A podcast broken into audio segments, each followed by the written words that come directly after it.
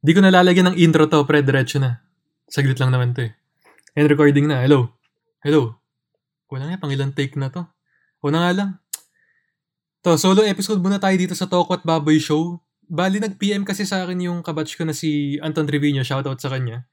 Tapos sabi niya na meron daw competition tong bagong studio na to. So yun, pinasend ko. Eh, tinanong niya rin kung active ngayon ng Toko at Baboy Show. Eh, ang huling episode natin ay last month pa ata eh. Dahil marami talagang restriction kaya hindi ma-push yung mga plano. Eh, pagka-check ko dun sa website nila, si Joy Spring yung isa ata sa founder. So, isa rin siyang content creator. May podcast rin siya, uh, all about adulting. And may isa pang founder which is si Jaco De Leon ata yun, na napapanood ko sa mga vlogs ni Will Dasovich. Ayun nga pala, plug ko na rin yung YouTube channel ko.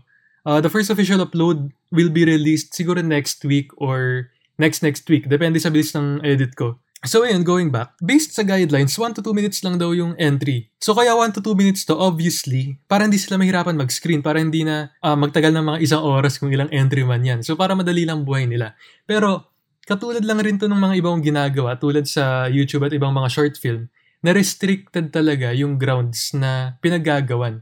Kasi ako nakakapag-shoot lang ako sa loob ng bahay, minsan sa may labas ng gate, na talagang nasa loob ako ng bahay pero nasa labas ako ng comfort zone ko lahat ng resources na nandito lang ngayon, yun lang ang pwede ko magamit. Napansin ko lang, may mga idea ako naiisip na kakaiba talaga, which is good for what I'm creating. At mabuti rin yun para sa mga ibang creator, para makita talaga kung ano ba, magaling ka ba talaga o hindi. Yun lang yun.